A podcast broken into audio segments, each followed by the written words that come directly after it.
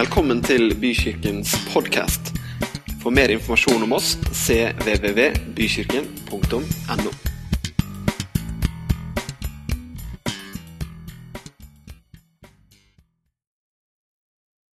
Vi har de ikke på nettsiden med billedgalleri, og vi har ikke hatt for vane å ta dem fram på scenen. Men det finnes mennesker som jeg er utrolig takknemlig til Gud for at finnes. Og det er de forbederne vi har i menigheten. Det er noen som eh, uten at noen vet det, bærer denne kirken i bønn. Det er noen som bruker timer, dager og sikkert også noen ganger netter, det vet ikke jeg, til å løfte Jeg har veldig sånn Ta bort den. Eh, som bærer Guds menighet i bønn. Og selv om ikke vi eh, kan helt ane følgene av det, så merker jeg i mitt daglige virke at det er noen som gjør det. Det er noen som eh, bærer meg, som bærer lederteam, som bærer det vi holder på med, situasjoner som mennesker står i, som bærer det, og vi ser det ikke, men jeg er ufattelig takknemlig til Gud for dere, og jeg ønsker på denne måten å ære det arbeidet som gjøres. Og jeg tror at det skal bli flere forbedere som skal være med på å berede, gjøre klart den veien som Gud ønsker at vi som fellesskap skal gå. Det er fantastisk. Vi takker Gud for dere.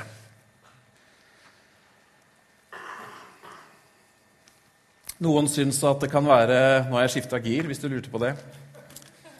Noen syns at det kan være utfordrende å være pastor fordi at du preker til den samme forsamlingen om ikke hver uke, så i hvert fall uke etter uke og måned etter måned.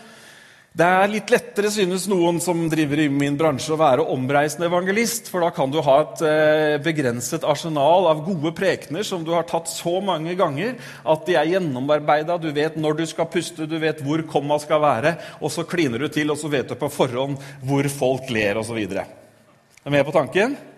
Du hører det noen ganger når du hører noen av de eh, store kjente, så, du, så skjønner du at denne har de prekt 25 ganger før, for den var, den var såpass godt innøvd. Og det er ikke noe gærent med det.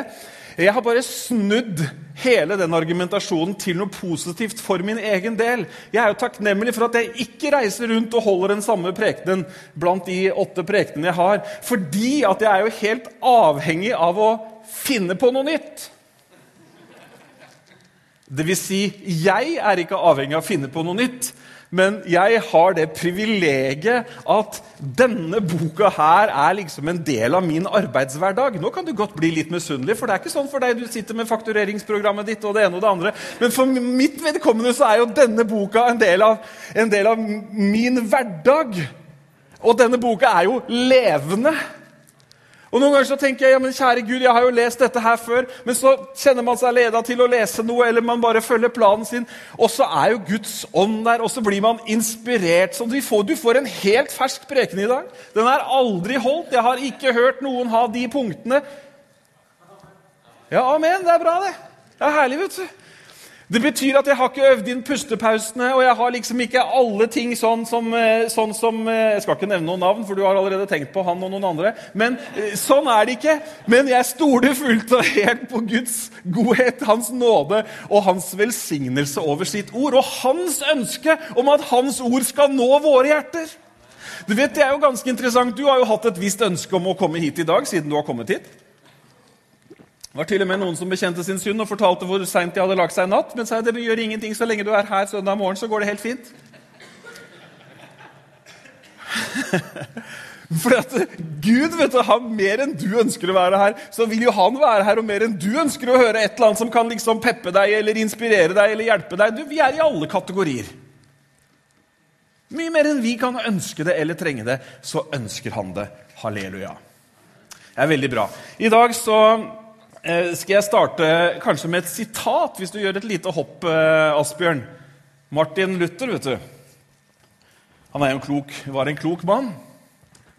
Og han sier the ultimate measure of a man is not where he stands in moments of comfort and convenience, but where he stands at times of challenge and controversy.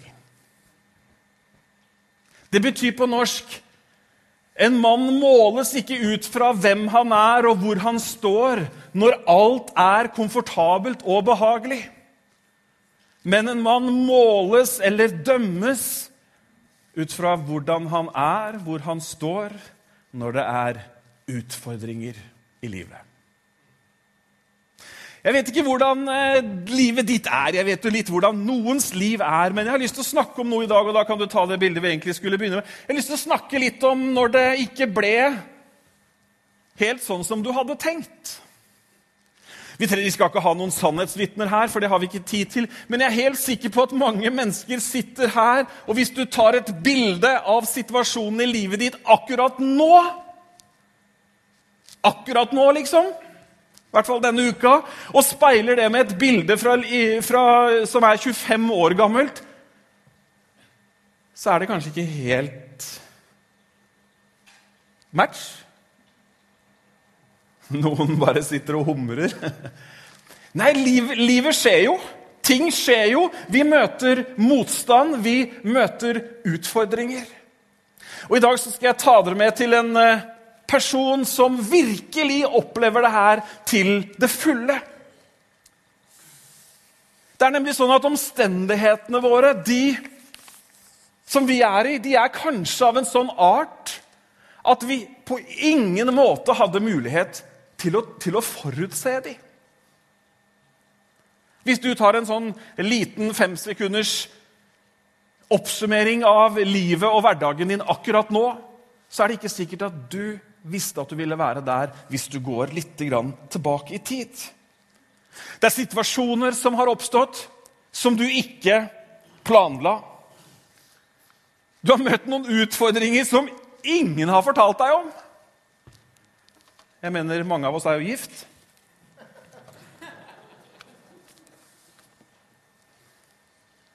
Og gang på gang så er det noe med oss mennesker som møter vi situasjoner som vi tenker Hvordan i all verden skal jeg komme meg gjennom dette her? Eller så er det gang på gang at vi møter utfordringer. altså Vi møter fjell, som Bibelen snakker om. Og vi, vi tenker at ja, men dette fjellet her, det er helt umulig å komme rundt eller over. Og Det fascinerende med vårt menneskesinn er at i de situasjonene så har vi utrolig lett for å glemme at forrige gang en situasjon oppsto, så kom jeg meg jo gjennom. Forrige gang noe hendte, så hjalp Gud meg da også. Sist gang situasjonen liksom bare møtte meg i fleisen, så fantes det faktisk en utvei. Men ofte så blir perspektivet vårt, vår evne til å se på situasjonen, det blir utydelig nettopp pga. situasjonen. Og vi glemmer de fjellene som vi tidligere har nådd toppen på og kommet velberget på andre siden. Er det ikke sånn? Det er en kar i Bibelen som heter Timoteus. I ung alder så ble han pastor i verdens største menighet. Han var en disippel av Paulus, hadde gått i lære hos han, vært med hos han, og så blir han innsatt som pastor i menigheten i Efesus. En hovedmenighet på den tiden. Virkelig flaggskipet til datidens pinsebevegelse. Ikke nok med det, men han hadde noen sånne prominente medlemmer i menigheten også. Vet ikke åssen det hadde vært for meg om Maria, Jesu mor, satt og hørte på når du prekte. Kan hende du fikk noen korrigeringer fra andre rad. Det var ikke det han sa. Eller det var ikke det han mente. I alle fall, Jesu mor var med i den menigheten. Og som om ikke det var nok, så var selveste apostelen Johannes var også medlem i den menigheten. Han kunne jo komme Been there, seen it. This is the way it was. Jeg regner med at han kunne korrigere absolutt alt, men i alle fall, sånn var situasjonen for Timoteus. Og bare det, altså, Man hadde jo ikke på den tiden uttrykket 'å hoppe etter Wirkola'. Men altså, det er jo et mye sterkere uttrykk å ta over etter Paulus.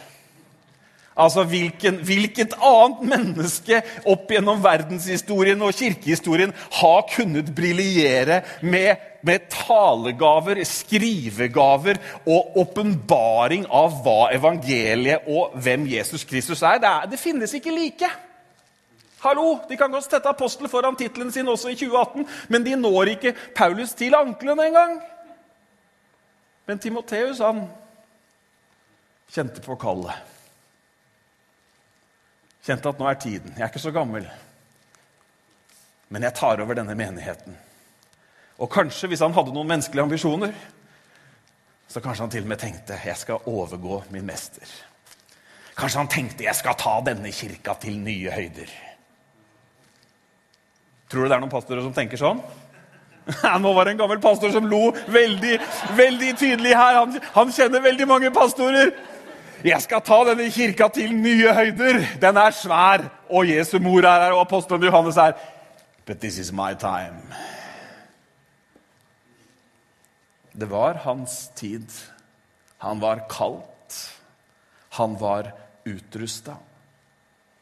Men så skriver Paulus et brev til Timoteus. Aller mest sannsynlig det siste brevet Paulus skriver. Paulus sitter i fangenskap i Rom, og han er ganske sikker på at dette er det siste fangenskapet han kommer til å oppleve.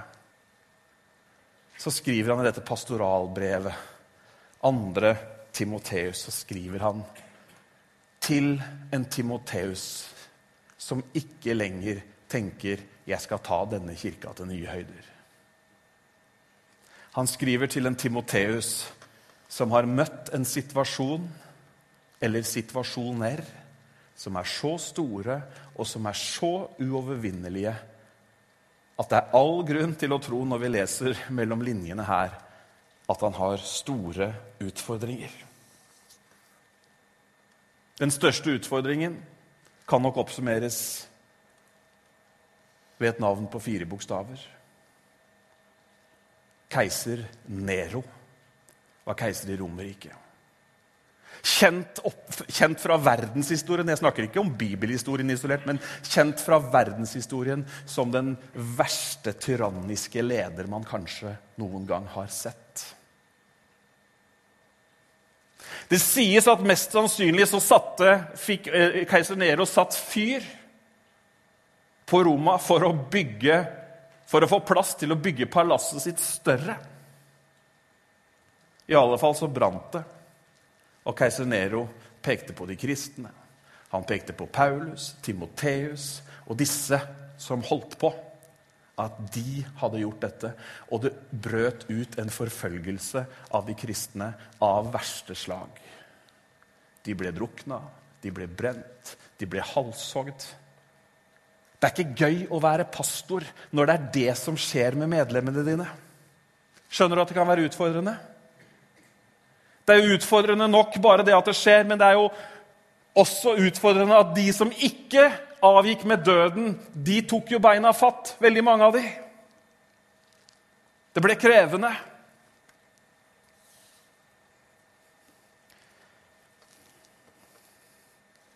Jeg vet ikke hva Timoteus har tenkt, men kanskje han har tenkt at jeg bør ta beina fatt, jeg også. Jeg snakka med en representant fra Stefanusalliansen for en stund siden. Som fortalte om situasjonen i Syria. Bare noen måneder fra dagen i dag. Hvor det er pastorer i menigheter som velger å bli i byen selv om de vet at de kanskje ikke kommer til å overleve. Hun fortalte om pastorer som pga. forbindelse med USA og andre misjonsland som støtter dem, hadde en åpen kanal hvor de kunne reise fra elendigheten og redde livet sitt. Men som sa nei. Folkene her i Syria trenger meg. Det er sterkt. Jeg syns det, det, er knallsterkt. Så skriver han, da, og det er, der, det er brevet, andre brev til Timoteus som vi skal la oss inspirere litt av i dag. Nå er det ikke sånn at eh, vi har opplevd forfølgelse av det slaget blant medlemmene i bykirken.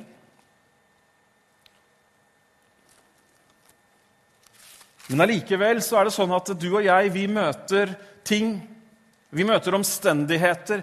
Vi befinner oss i en situasjon hvor vi tenker at ja, men er det sånn det skal være?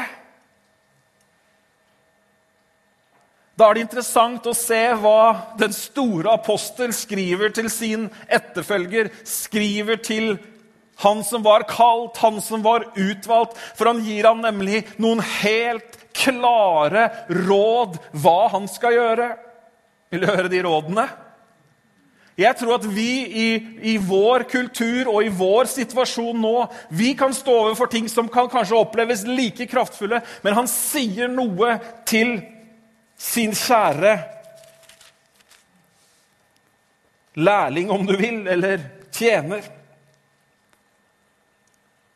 Jeg leser fra begynnelsen, for jeg syns det er så nydelig når du hører hvordan han velger å ordlegge seg. Og så kommer noen av versene opp sånn etter hvert. Paulus, Jesu Kristi apostel. Jeg leser fra 2. Timoteus 1,1. Apostel ved Guds vilje etter løftet om det liv som er i Kristus Jesus, til Timoteus, en elsket sønn nåde, miskunn og fred fra Gud Faderen og Jesus Kristus, vår Herre. Jeg takker Gud, som jeg tjener med en ren samvittighet, slik mine forfedre gjorde, når jeg ustanselig husker deg i mine bønner natt og dag. Han ber jo ikke om forbønn for seg sjøl, han sitter i fengsel, men han ber natt og dag for Timoteus. Jeg lengter inderlig etter å se deg når jeg husker dine tårer, for at jeg kan bli fylt med glede. Ettersom jeg er blitt minnet om den ekte troen som er i deg, den som først bodde i din mormor Lois og i din mor Eunike, og som jeg er overbevist om også bor i deg. Derfor minner jeg deg om å vekke Guds nådegave til live, den som er i deg, ved at jeg la hendene mine på deg. For Gud har ikke gitt oss motløshetens ånd, men kraften og kjærlighetens og sindighetens ånd. Skam deg derfor ikke over vår Herre, over vår Herres vitnesbyrd, og heller ikke over meg, hans fange, men ta del med meg i lidelsene for evangeliet i Guds kraft. Det er Han som har frelst oss og kalt oss med et hellig kall. Ikke etter, våre egne, ikke etter våre gjerninger, men etter sin egen rådslutning og nåde. Den som ble gitt oss i Kristus Jesus fra evige tider av, men som nå er blitt åpenbart ved vår Frelser Jesu Kristi åpenbarelse han som gjorde døden til intet og førte liv og uforgjengelighet fram i lyset ved evangeliet. For dette ble jeg satt til forkynner, apostel og lærer for hedningefolk. Av denne grunn lider jeg også dette. Likevel skammer jeg meg ikke, for jeg vet hvem jeg er kommet til tro på, og jeg er overbevist om at Han er mektig til å bevare det som er overgitt meg, helt til den dagen. Vi stopper der. Paulus skriver til Timoteus, og Den hellige ånd har latt dette ordet gå ut, ikke bare til Timoteus, men gå ut, ut til sin kirke, gått ut til deg og meg nå i dag. Derfor er det ikke en god historie jeg forteller, men det er Guds levende ord jeg preker til deg i dag. Og Det første jeg har lyst til å dra oppmerksomheten din mot, er at Paulus han sier noe om historikken. Han sier noe om familieforholdene. Han sier at du må huske på det. Der kan du, kan du se for deg Timoteus sitte på pastorkontoret sitt og telle på knappene. Hva skal jeg egentlig gjøre? Har jeg det som trengs? Holder det? Og så sier Paulus noe, Vi skal ikke bruke mye tid på det, for det er en egen preken, men han sier at eh, mormora di hun hadde den ekte troen, mora di hadde den ekte troen, og du har den, du også. Med andre ord, du har det som trengs. Og nå er det ikke sikkert at alle her har like flotte familietrær å skryte av hva angår hvorvidt forfedrene har hatt ekte tro eller ikke, men det spiller ingen rolle, for i Det nye testamentet så undervises vi veldig tydelig om at dersom vi har kommet til tro på Kristus, så er vi blitt adoptert inn i Guds rike. Du har en bror, du har en far, som har alt det som skal til for at du faktisk skal møte den situasjonen som du har. Er ikke det fantastisk? Fordi det er, det er, familien din, men vi skal ikke ta det nå, for det er som sagt en helt annen preken om gammeltestamentlig suksesjon og nytestamentlig suksesjon osv. Det er interessant nok og masse fint å si. Men så sier han noe, og han sier 'derfor'. Altså med andre ord, siden det er sånn, Timoteus, derfor så minner jeg deg om å vekke Guds nådegave til live. Den som er i deg ved at jeg la hendene mine på deg. Veldig ofte så hopper vi til neste vers. Gud har ikke gitt oss motløshetens ånd, men han har gitt oss kraften og kjærligheten og sindighetens ånd. Og Det er et bra bibelvers, og vi skal si to ord om det også. Men dette verset er veldig viktig. Han sier med andre ord, med bakgrunn Timoteus, i det Jesus har gjort, med bakgrunn av hvem du er i kraft av å være den nye skapningen, så sier han 'vekk til live'. Noen steder så står det 'tenn igjen'. Andre oversettelser sier 'blås liv i'.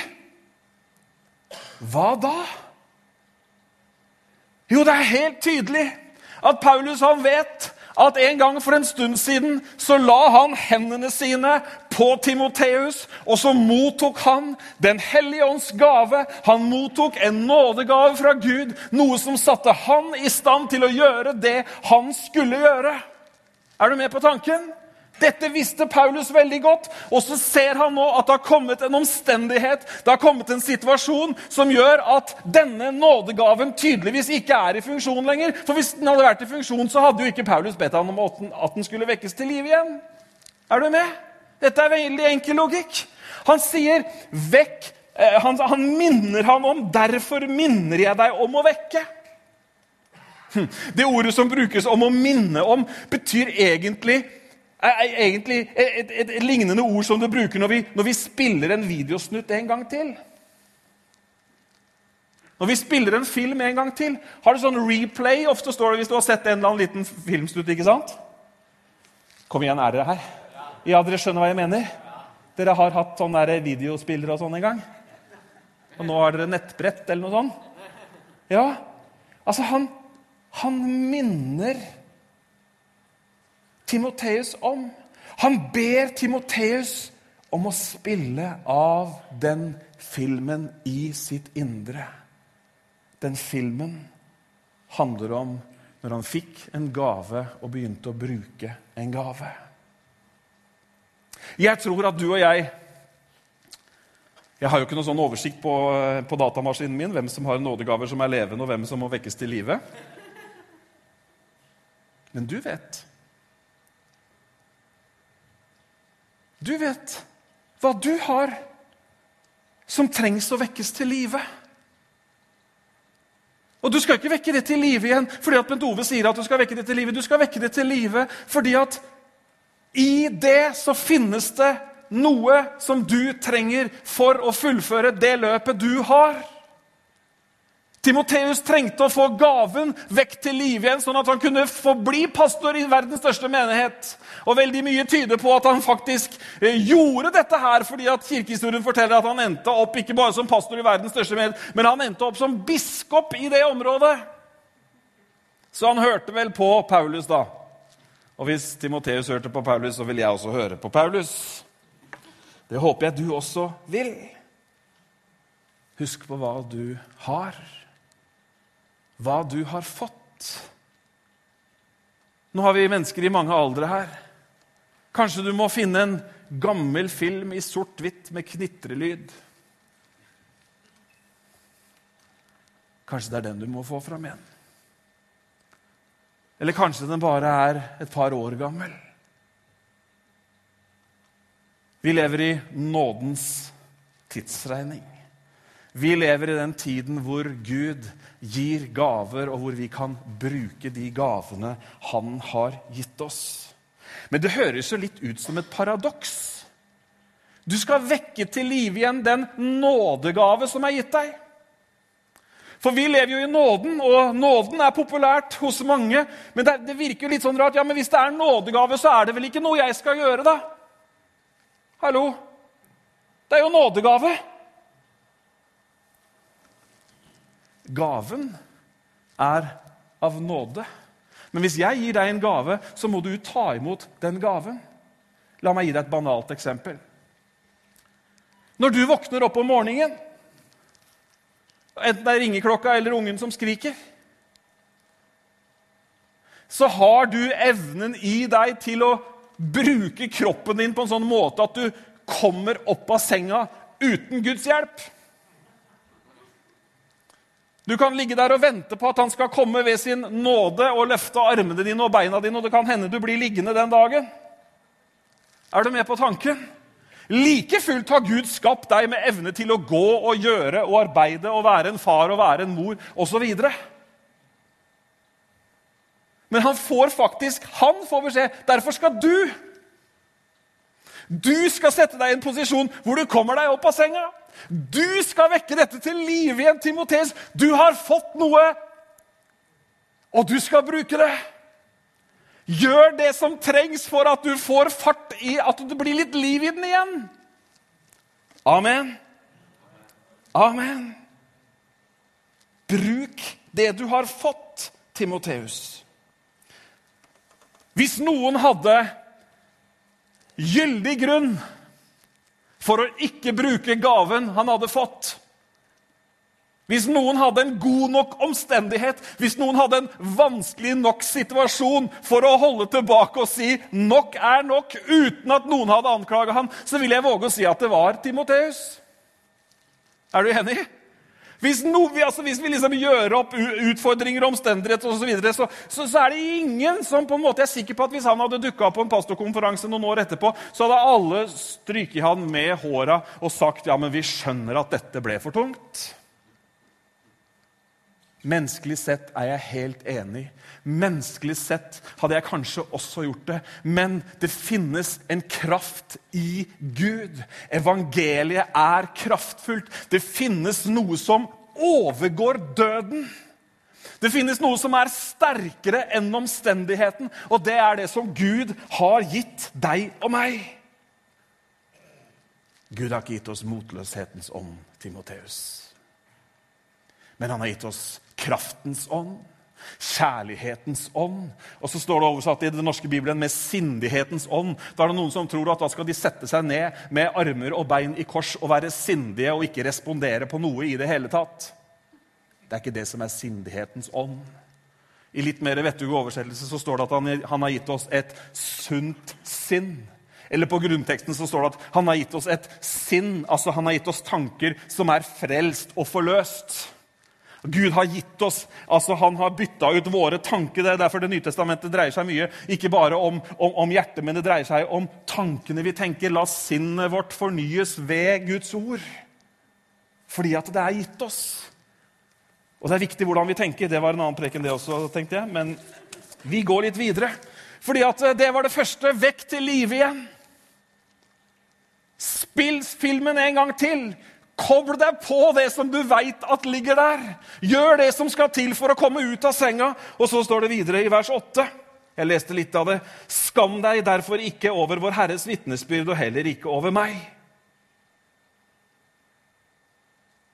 Paulus sier til Timoteus, ikke skam deg over evangeliet. Hm. Ta del i det. Ikke skam deg over evangeliet. Dere, evangeliet, hva er evangeliet? Evangeliet er Guds kraft til frelse.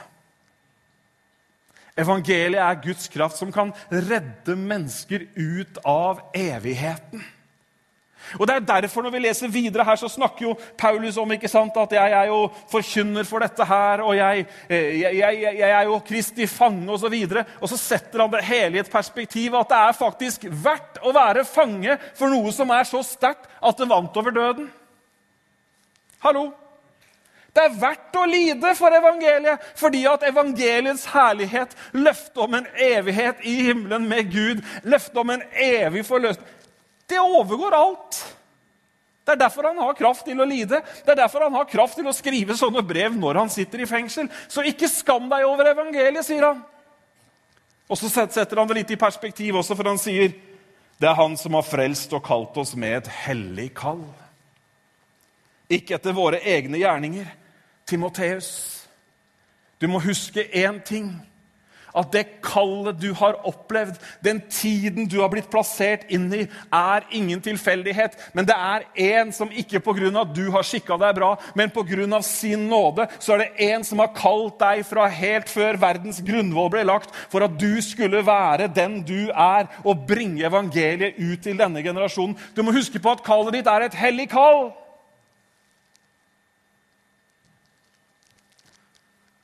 Guds kall til etterfølgelse i dag, i 2018, Guds kall til sin menighet om å forkynne evangeliet i 2018, er et hellig kall.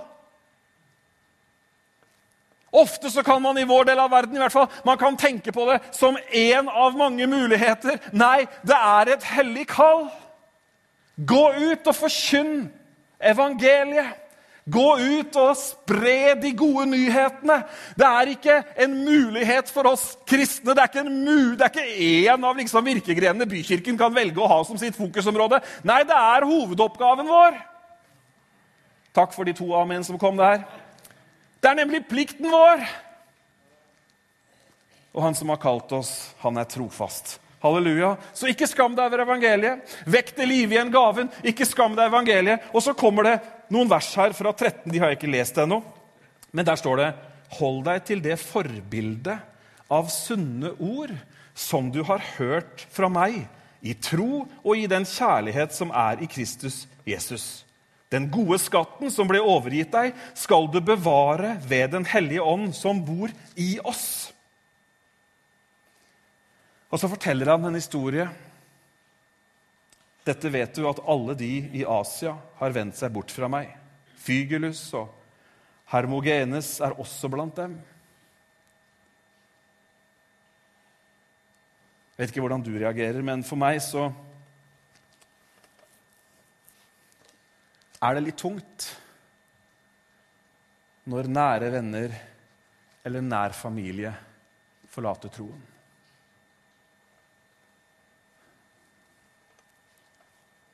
Når man snakker med folk på tomannshånd, så er dette en byrde som veldig mange bærer på. Og her var det store flokker av troende som flykta, som forlot troen, som tok avstand fra Paulus' klare evangelieforkynnelse. Så sier han til Timoteus Stå fast i troen. Hold deg til det forbildet av sanne, sunne ord som du har hørt fra meg. Hm. Hva er troen? Troen er summen av evangeliet. Det er den troen vi blir bedt om å stå fast i. Ofte så har mennesker i dag en tro som er en blanding av alt mulig, og som er justert etter egne meninger og preferanser. Det er ikke den troen han sier til Timoteus at du skal holde fast, men troen. Bestemt form, summen av evangeliet. Hvis vi skal stå fast i troen på oss sjøl Da har jeg allerede meldt meg ut. Allerede jeg har allerede forlatt den troen, for å si det sånn. Ja, men troen på de andre, da? Ja, nei, jeg gikk ut omtrent på samme perrong. Troen på Kirken, da? Ja, det er to stasjoner lenger ned. Mange har gått av der også. Den troen vi blir oppfordret til å stå fast på, er troen på Jesus Kristus. Summen av evangeliet. Det er den troen som står fast, dere. Bare så du vet det. Du kan, du, og hvis ikke du allerede har, Her er det så mange voksne folk, så ikke å, jeg hadde tenkt å si hvis ikke du allerede har blitt skuffa, så kommer du til å bli det. That's the way it is. Men det er én det sies om han at han aldri svikter. Det er troen på han. Timoteus. Hold fast på troen. Til og med når de svikter. Og så er det heldigvis en sånn gladhistorie litt lenger ned her om en herlig mann som har det nydelige navnet Onesiforos. Skulle ikke dere ha en til, Gunnar? En sønn, Onesiforos. Men han er fin, vet du. Navnet hans betyr 'den som kommer med hjelp'. Det fantes én etter at alle de andre hadde flykta. Så fantes det én som dro til Roma, sier Paulus. Onesiforos. Han dro til Roma, og han leita meg opp. Og han ble til oppmuntring og hjelp for meg. Mest sannsynlig i denne situasjonen så var det med livet som innsats at, Nosef, at, at Jeg må nesten se hva det står. vet du. Onesiforos dro til Roma og begynte å spørre rundt. Det var mange fengsler i Roma. Det var sikkert ikke sånn der eh, oversikt når du kom inn til byen. Paulus sitter i det, det sydlige. Men han fant han, og han ble til hjelp for han. Stå fast i troen. Det er vondt når de rundt oss, de kjente, de kjære, forlater troen. Og Det er fantastisk å se også at Paulus her han er ikke en følelseskald fanatiker som later som om dette ikke skjer. Han snakker sant om livet. Er ikke det bra? Leser Paulus ute. Her er det tårer, og her er det sinne, og her er det alt mulig. Han vet hva det er å være et menneske. Hm. Så går vi over i neste kapittel, og det er mitt siste punkt i dag etter at jeg har sagt at det første rådet var i denne situasjonen, i denne livshendelsen, å vekke til live igjen den gaven som var gitt, og ikke skamme seg over evangeliet, og stå fast i troen.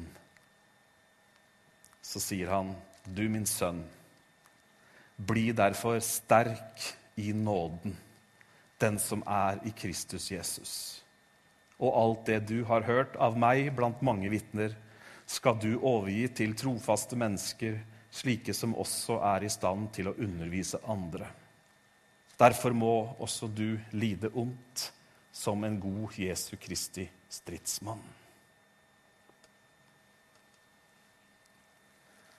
Du, min sønn, bli sterk i nåden. Eller bli sterk ved nåden, som det står. Det finnes kraft for deg. Det finnes ny inspirasjon for deg. Det finnes helse for deg. Det finnes framtid, håp, fred, glede for deg. Jeg gjør sånn så det er meg òg, heldigvis. Og dette er tilgjengelig gjennom én eneste kanal nåden. Ikke fordi du er så fin og prektig, ikke fordi du har mange år som medlem i bykirken eller lang fartstid i Guds rike. Nei, gjennom nåden så er disse kreftene, denne hjelpa, tilgjengelig. Uavhengig av hva som har skjedd. For en stund siden så var jeg på en eh, konferanse hvor det var mange, mange kristne og mange ledere. og så treffer jeg en jeg kjenner, og så setter vi oss ned og spiser. og så Plutselig så kommer det en til og setter seg ved siden av meg. Jeg vet hva han heter, og har prata noen få linjer med han. Jeg vet ikke om han vet hvem jeg heter, men hele Kristen-Norge vet i hvert fall hva han heter. Om ikke hele, så i hvert fall, i hvert fall vår del av treet. Navnet hans og situasjonen hans har, eh, har det vært skrevet mange avisartikler om. Og jeg bekjenner for dere alle sammen. Jeg tenkte når jeg så han komme, at du er jammen ganske modig som egentlig er her. Altså Ikke fordi jeg hadde noe mot at han var her, men å dukke opp på en konferanse med mange hundre andre ledere hvor alle vet hvilken situasjon du har vært i, og hva som har skjedd, og det ene og det andre. Jeg skal ikke gå inn på detaljer. Så tenkte jeg det var jammen eh... Og det verste av alt var at han så jo ut som han hadde det greit òg. Men hør her. Han er dømt nord og ned. Om ikke skriftlig, så i hvert fall i de flestes tanker og resonnement. Vi sitter og prater om alt mulig annet. Han og jeg kjenner, og han andre kobler seg på. og Vi, vi to visste jo veldig godt, i hvert fall på overskrifts- og ingressnivå, hva som hadde foregått. Og så forteller han en historie som har sittet i meg i lang tid etterpå. Han sa det er helt utrolig hvordan Guds nåde har båret meg dag for dag. Han sa det er helt utrolig. Jeg åpner Bibelen, og Guds ord kommer til meg som en hjelp og en støtte, og jeg tenker hvordan er det mulig? Vet du hva? Guds nåde gjelder også den som har gjort feil. Guds nåde gjelder også den som har gjort kraftige bommerter. Guds nåde gjelder de du kan tenke på som 'jeg er glad jeg ikke er i samme menighet som han'. Guds nåde gjelder også de som har gjort det ene og det andre. Guds nåde er uten grenser. Tenk deg Hvis han kan finne styrke ved Guds nåde For å si det sånn, uten å liksom gå langt inn i det, og hvis jeg tenker veldig menneskelig Hadde jeg vært i samme situasjon som han, så hadde ikke du sett meg på Tønsbergs gater på ti år. Jeg mener det. Jeg hadde, pakka snippesken og funnet et annet land. Noen ganger, Har du sett på den der, der ingen skulle tro at noen kunne bo? Noen ganger så tenker jeg at hvis det går virkelig ille, så skal jeg kjøpe meg en sånn fjellgard. Hvor, om, hvor, hvor inter, interaksjonen med omverdenen begrenser seg til post, postbåten en gang hver første mandag i måneden. Er du med på tanken? Så sitter han der, og han, han, går, en, du, han går ikke inn på en eneste detalj. Han forsvarer seg ikke. Han har bare et levende vitnesbyrd om at han er en sønn som ved Guds nåde har henta styrke til å kunne stå oppreist og gå videre. Kjære Gud.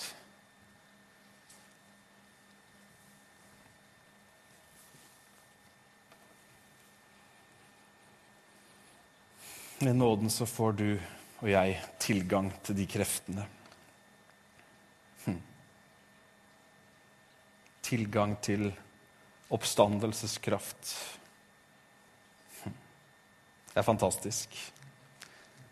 Og Så sier han videre Åssen i all verden har jeg havna i Matteus, da? Skal vi se.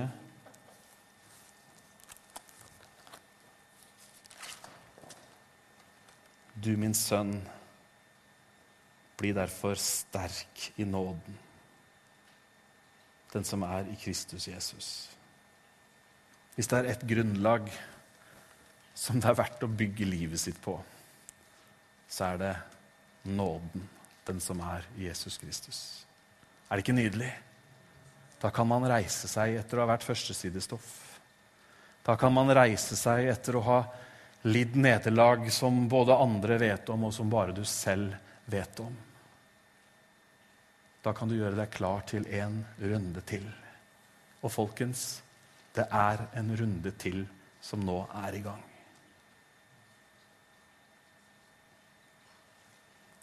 Det er en ny runde som skal løpes. Hvordan kan jeg si det? Det er en ny generasjon som skal få overgitt det som du og jeg har fått. Ser du Paulus har generasjonene for øye? Midt i denne her situasjonen så sier han det finnes liv i gaven. Det finnes en tro å stå på, og det finnes en nåde som gir deg kraft. Og det som du har fått av meg, det skal du overgi til neste generasjon. Det skal du overgi til nye som kan gi det videre. Vi har mange nye her i bykirken som skal gi det videre. Visste du det? Noen av de sitter her. Mikael og flere av de som er så unge. Vi har en herlig rekke bak der. Det er en hel gjeng der oppe. Det er tid for å la omstendigheter, fjell, historikk og holdt på å si, arv og miljø Det er på tide å la det ligge. Og så vekke til live igjen den nådegaven som du har. Det er ikke tiden for å skamme seg over evangeliet, men det er tid for å stå fast i troen. Og det er tid for å hente styrke. Ikke fordi du er så flink, men fordi at nåden, den er ny.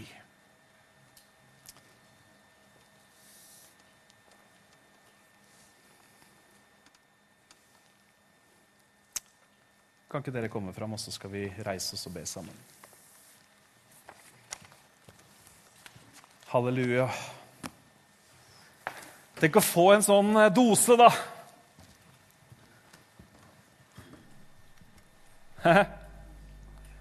Tenk å få sånne ord. Det var avgjørende, helt avgjørende for Timoteus. Det blir jo bare en spekulasjon, men den tilstanden han var i, og den tilstanden menigheten var i, var så krevende at det krevde en gud for å føre igjennom. Historien om oss, historien om kirken, kirkehistorien, er historien om mennesker som på en eller annen måte har vært i en sånn Timoteus-situasjon. Som har stått overfor utfordringer, enten det er svært fysiske, voldelige utfordringer eller helt andre utfordringer. Vi kjemper jo ikke mot keiser Nero. Vi kjemper mot andre ting som forsøker å begrense oss som kirke, som troende. Vi kjemper mot trender og oppfatninger og det ene og det andre. Men jeg er så glad i dag. Jeg er så glad for at det finnes noe som Gud har gitt oss. Som når det er levende Troen som overvinner verden. Det er den troen det er verdt å holde fast på. Troen som overvinner omstendighetene. Troen som trosser kulturer og trender. Troen på Jesus Kristus. Ikke en av sannhetene, men han er sannheten. Jeg vet ikke hva du har som må vekkes til live. Det vet du. Jeg vet ikke hvilket område du trenger å hente styrke på. Men én ting vet jeg, at nåden åpner døra for deg også. Når den åpner døra for han her ekspastoren som jeg snakka om, så tenkte jeg ja, men da er det jo håp for veldig, veldig mange. Skal vi be sammen? Herre, vi takker deg for uh, ditt levende ord.